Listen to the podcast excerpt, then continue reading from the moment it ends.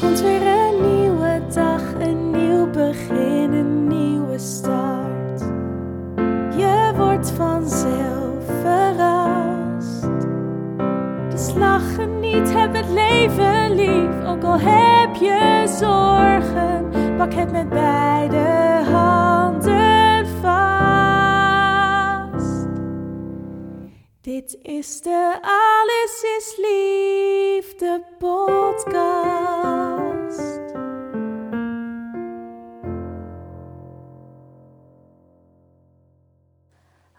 Wat leuk dat je luistert naar de Alles is Liefde podcast. De podcast over liefde, seks en relaties. Mijn naam is Rianne Roes. Ik ben relatietherapeut en eigenaar van samenalleen.com. In deze podcast ga ik in gesprek met collega's uit het vak en raken we verschillende thema's aan. Thema's die betrekking hebben op het leven, de liefde, seks, relaties, de dood en alles wat er maar bij komt kijken. Ook zal ik af en toe iets delen over mijn eigen proces. Ik wens jullie heel veel luisterplezier, veel inspiratie en ik wil jullie bij deze alvast bedanken voor het luisteren en hopelijk tot een volgende keer. Dit is de Alles is Liefde podcast.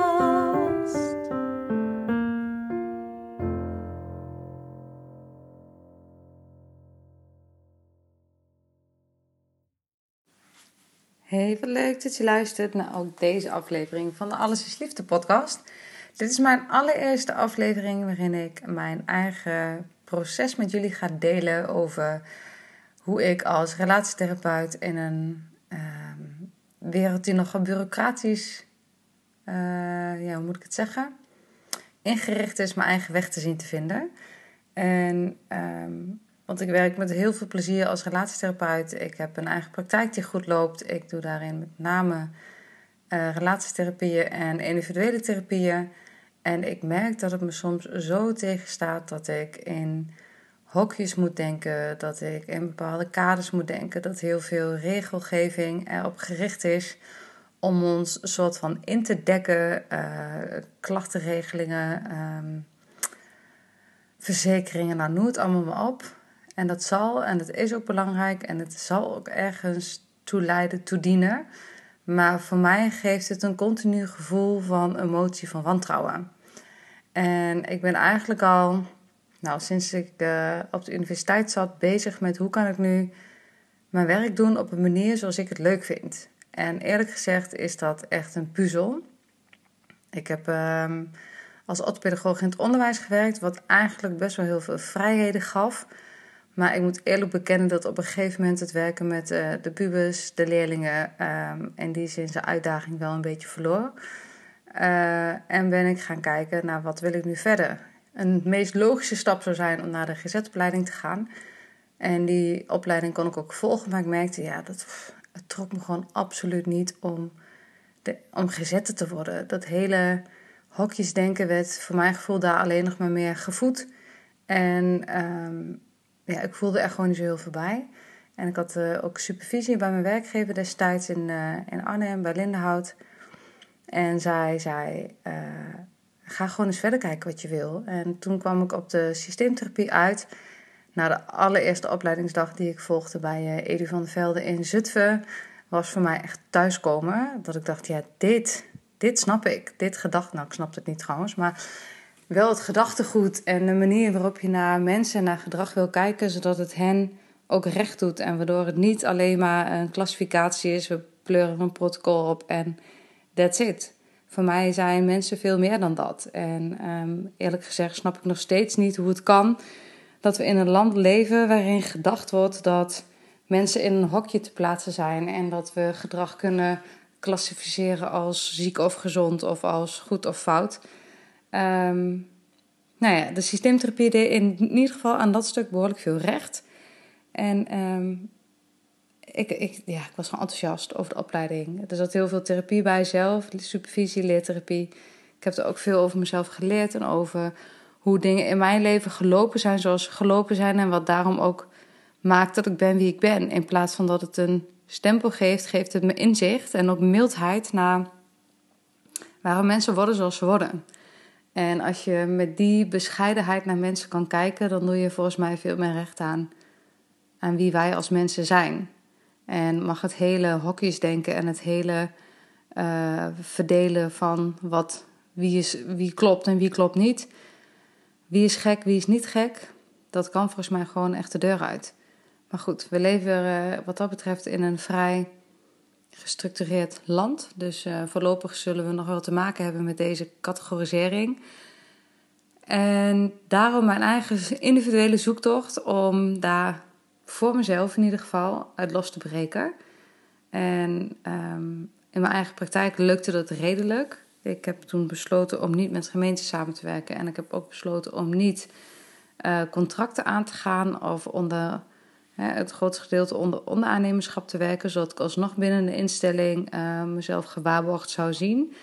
Ik heb wel met een alternatieve uh, zorgverzekering, dus eigenlijk als je aanvullend verzekerd bent, dan krijg je wel wat vergoed, ben ik begonnen. Maar ook daar, ja, ik weet het niet. Ik weet niet of de collega-therapeuten luisteren. Maar voor mij blijft het een kwelling eigenlijk om in dit soort uh, structuren te moeten werken. Er is nog steeds dat gevoel dat mensen mij niet vertrouwen. Nog steeds het gevoel van je moet laten zien dat je kan wat je kan. En um, we komen op visitatie. Uh, aan die regels moet je houden. Daaraan moet je voldoen. Uh, de zorgverzekering, zorgverzekeraars liggen op dit moment sowieso volgens mij overhoop over wat wel vergoed wordt, of wat niet goed vergoed wordt, waardoor je als therapeut ook nog weer later uh, met de zorgverzekering uh, gedoe kunt krijgen. Ja, wat mij betreft gaat dit echt ten koste van alles waar ik voor sta in therapie. En überhaupt het woord therapie, coaching, geeft een naam. Volgens mij is het ook meer, moet je het zien als een check-up, als een evaluatie van jezelf of van het leven of van, van je relatie. Volgens mij gaat het niet. Therapie heeft ook meteen het stigma dat er iets mis moet zijn. Maar kan therapie niet gewoon ook betekenen dat je wil onderzoeken waarom je de dingen doet zoals je ze doet en of je ze nog wel wil doen zoals je ze altijd gedaan hebt?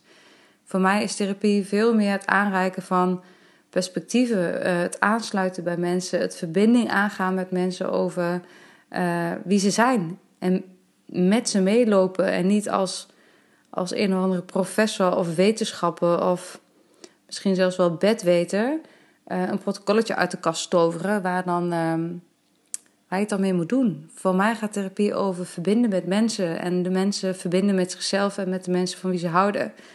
En dat kan in mijn optiek alleen maar als je ook zelf als therapeut verbindt.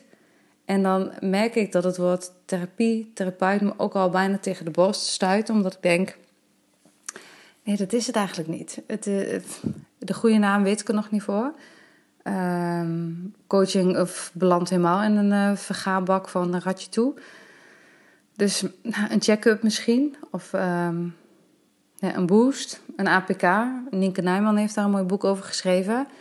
Um, want volgens mij is er, leven we in zo'n snelle maatschappij met zoveel eisen, met zoveel mogelijkheden, uh, met zoveel rijkdom over het algemeen. Uh, maar ook met veel trauma, met veel verdriet en verlies, met transities, overgangen van de ene naar de andere fase. En het zou toch fijn zijn als er wat minder een taboe ligt op dat je dan voor dat stuk ondersteuning een gesprekspartner, een sparringspartner opzoekt. Dus niet per se iemand die het beter weet of die alles al op orde heeft. Overigens denk ik dat niemand zijn leven 100% op orde heeft. Ik al zeker niet. En eh, volgens mij de rest van Nederland ook gewoon niet. Wat, uh, wat de socials je ook mogen laten denken. Maar hoe fijn is het dat er dan wat minder een taboe ligt op dat je een, een derde of een nou, in ieder geval een, een buitenstaander vraagt om mee te denken met jullie vraagstuk of met jouw individuele vraagstuk. Die met je inzoomt of waar gaat het voor jou over in de context waarin jij leeft, met de voorgeschiedenis die jij met je meedraagt en met de stip op de horizon die jij hebt in jouw unieke individuele uh, situatie.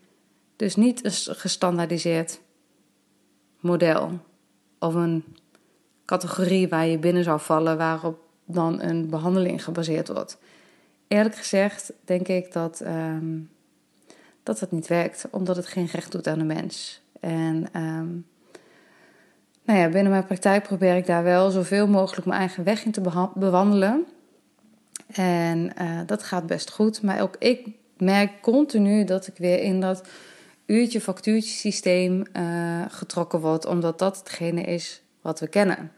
Omdat dat hetgene is waar iedereen mee werkt. En je, je bent ergens opgeleid en je gaat eigenlijk vanuit hoe je bent opgeleid, ga je ook ehm, je eigen werkzaamheden vormgeven. En ik voel continu dat er meer mogelijk is, dat er meer kan, dat er iets bestaat waardoor uh, de mensen met wie ik werk zich meer gehoord en sneller geholpen zullen voelen.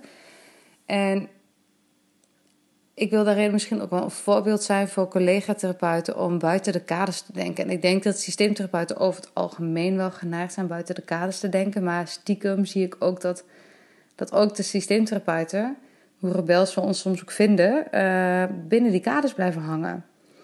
En nou ja, die puzzeltocht, die zoektocht, hoe, hoe ik dat ga doen, die wil ik graag met jullie delen. Zo heb ik afgelopen weekend de aftrap genomen met uh, Tess Vliers, um, een business visionair.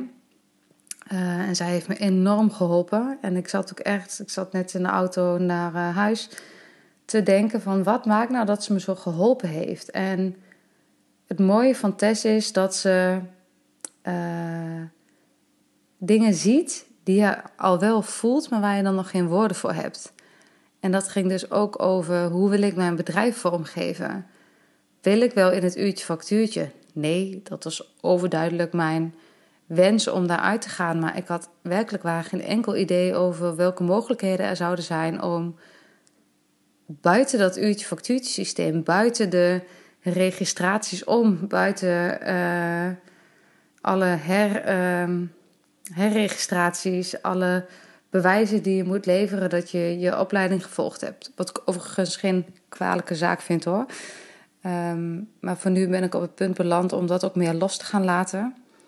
En merk ik dat al die beroepsverenigingen die me ergens ook wel ondersteunen, me eigenlijk tegelijkertijd ook klein houden en in een structuur houden die helemaal niet bij me past. Dus dit weekend met, uh, het was geen weekend trouwens, het, waren, uh, een, uh, het was een donderdag, met de test gewerkt aan waar wil ik naartoe met mijn bedrijf. En daar zijn zulke mooie ideeën uitgekomen. Het liefst wil ik werken met, um, met diepgang, met verbinding, met, um, met mensen die zich in een transitiemoment bevinden.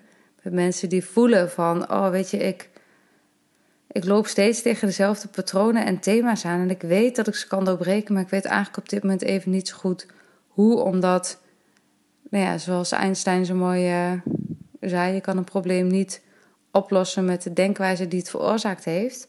Heb je soms iemand nodig die naast je staat en wellicht een nieuw perspectief kan aanreiken, waardoor er wel een verandering mogelijk is. Wat soms met, nou ja, weet ik veel, maandenlang therapie dat uurtje wat je dan komt misschien niet lukt.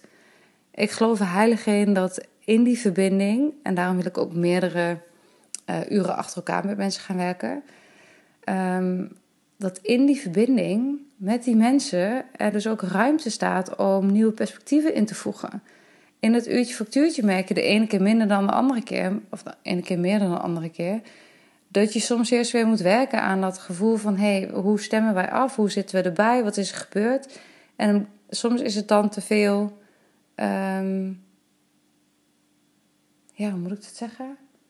even intunen met elkaar. En als je langere tijd met elkaar kan werken, een dagdeel of een dag, of misschien zelfs wel een traject van drie maanden, dan kun je echt verdiepen. Dan ben je echt. En dan ben je even naast die persoon, met die persoon, in verbinding met die persoon. En niet als, als, als therapeut, maar als ja, iemand die even op hetzelfde spoor met je zit en wil invoegen, zodat diegene wat kan toevoegen over wat er, wat er ontstaat. En dat vind, ik, dat vind ik eigenlijk de mooiste opbrengst van de afgelopen dagen. En die wilde ik dus heel graag met jullie delen. Dat uh, ik mogelijkheden zie om uit het geëikte patroon te stappen, waarin ik in een uurtje factuurtje context moet werken. Waarbij, waarbij ik dus nu iets ga ontwikkelen waardoor ik veel meer met jou of met, uh, met, met de klant, met, met, met de mens, met, de koppel, met het koppel, met het stel uh, aan de slag ga. Dus niet ik zit in de ene stoel, jullie in de andere stoel, maar we gaan er samen uh, mee aan de slag. En dat voelt zoveel beter. Het voelt zoveel beter om echt in te voegen en echt contact te maken. En vanuit dat echte contact thema's die er te doen op dat moment bespreken. En vanuit het inzicht wat je dan krijgt, kun je patronen doorbreken. En dat kan volgens mij heel snel. Nou, een heel verhaal, zoals je hoort. Ik ben echt super enthousiast. En uh, ik ga ermee aan de slag. En ik hou jullie ook op de hoogte. Uh, door, uh, ja, door deze podcast eigenlijk. Zodat jullie mijn ontwikkeling kunnen volgen. En um, nou, mocht je vragen hebben over wat ik nu precies van plan ben. Of dat je vragen hebt over hoe je er zelf mee om zou kunnen gaan. Of de, thema's waar je zelf tegenaan loopt. Schroom niet om mij een bericht te sturen. Dat kan via, um, uh, dat kan via Instagram, dat kan via Facebook.